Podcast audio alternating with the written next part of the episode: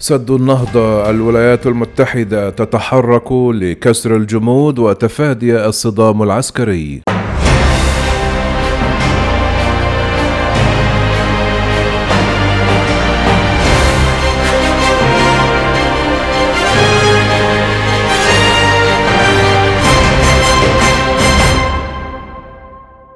دعت الولايات المتحدة الأمريكية كل من مصر والسودان وإثيوبيا في بيان مطول لاستئناف مفاوضات سد النهضة على وجه السرعة في أول تحرك أمريكي جاد ومباشر منذ تولي إدارة جو بايدن رئاسة البيت الأبيض متعهدة بتقديم دعم سياسي وفني لتسهيل التوصل إلى نتيجة ناجحة. وأتت دعوة واشنطن عقب جولة مكوكية أجراها المبعوث الأمريكي الخاص للقرن الإفريقي جيفري فيلتمان إلى كل من مصر والسودان وإثيوبيا في الفترة من الرابع إلى الثالث عشر من مايو الجاري. استهدفت كسر جمود المفاوضات ووقف التصعيد الراهن في ظل إصرار إثيوبيا على ملء خزان السد في يوليو المقبل بصرف النظر عن إبرام اتفاق مع مصر والسودان. وصف الانغماس الأمريكي الراهن في الأزمة بأنه تحول كبير في موقف إدارة بايدن بحسب مراقبين يرون أن واشنطن تسعى إلى تجنب مواجهة عسكرية باتت تلوح في الأفق مع تأزم الموقف.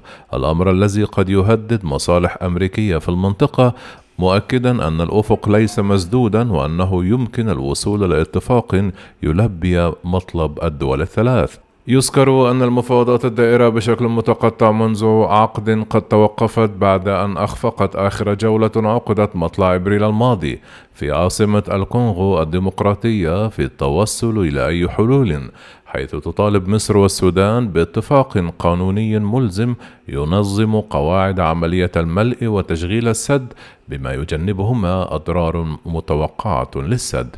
أفادت الخارجية الأمريكية في بيان مساء أول من أمس بأن فيلتمان أكد في مناقشاته مع القادة في أديس أبابا والقاهرة والخرطوم أنه يمكن التوفيق بين مخاوف مصر والسودان بشأن الأمن المائي وسلامة وتشغيل السد مع احتياجات التنمية في إثيوبيا من خلال مفاوضات جوهرية وهادفة بين الأطراف في إطار قيادة الاتحاد الأفريقي التي يجب أن تستأنف على وجه السرعة. حددت الخارجية الأمريكية إعلان المبادئ الموقع عام 2015 وبيان يوليو 2020 الصادر عن مكتب الاتحاد الإفريقي كأساس مهم لهذه المفاوضات مع التزام الولايات المتحدة بتقديم الدعم السياسي والفني لتسهيل التوصل إلى نتيجة ناجحة.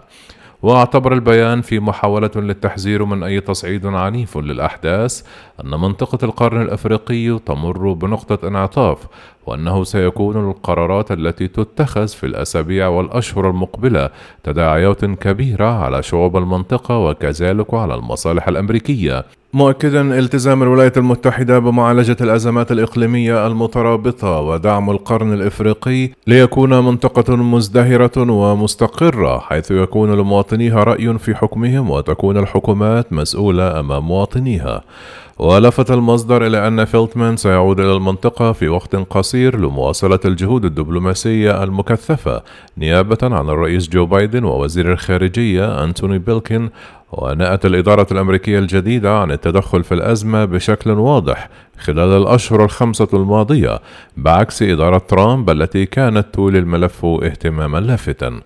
كان الرئيس المصري عبد الفتاح السيسي قد حذر قبل أسابيع من المس بحصة مصر في مياه النيل.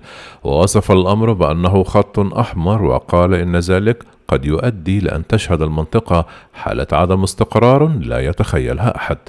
ولوح الرئيس المصري باللجوء إلى القوة قائلا نحن لا نهدد أحد ولكن لا يستطيع أحد أخذ نقطة مياه من مصر وإلا ستشهد المنطقة حالة عدم استقرار لا يتخيلها أحد مشيرا إلى أنه لا يتصور أحد أنه بعيدا عن قدرتنا.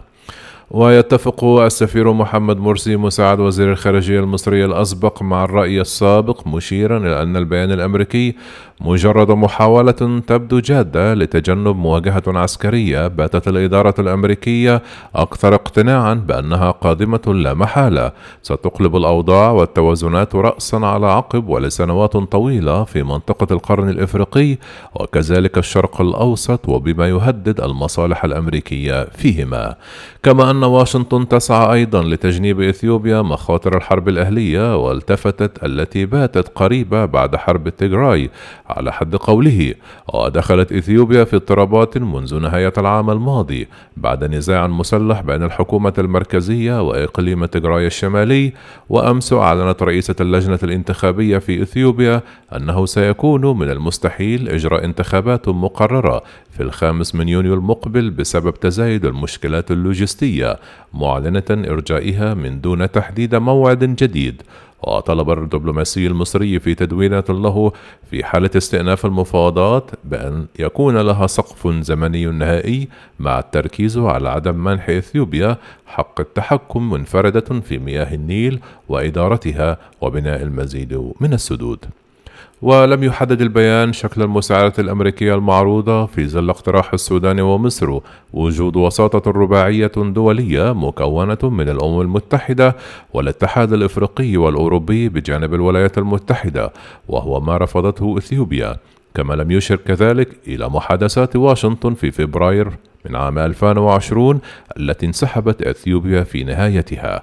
كما ادعت إثيوبيا انحياز إدارة ترومبو إلى صالح مصر وتقيم إثيوبيا السد منذ عام 2011 بهدف توليد الطاقة الكهرومائية التي تقول إنها ضرورية لتلبية احتياجات سكانها البالغ عددهم 110 ملايين نسمة. تسعى إثيوبيا إلى إعادة توزيع مياه النيل رافضة الاعتراف بالاتفاقات التاريخية، ويقول زيريهون إيبي عضو فريق التفاوض الإثيوبي لوكالة الأنباء الإثيوبية تحاول مصر والسودان الحفاظ على معاهدات عفى عليها الزمن غير عادلة وحصرية بينما تسعى إثيوبيا جاهدة لتغييرها إلى استخدام وإدارة منصفة وعادلة لنهر النيل وفقا لمبادئ القانون الدولي.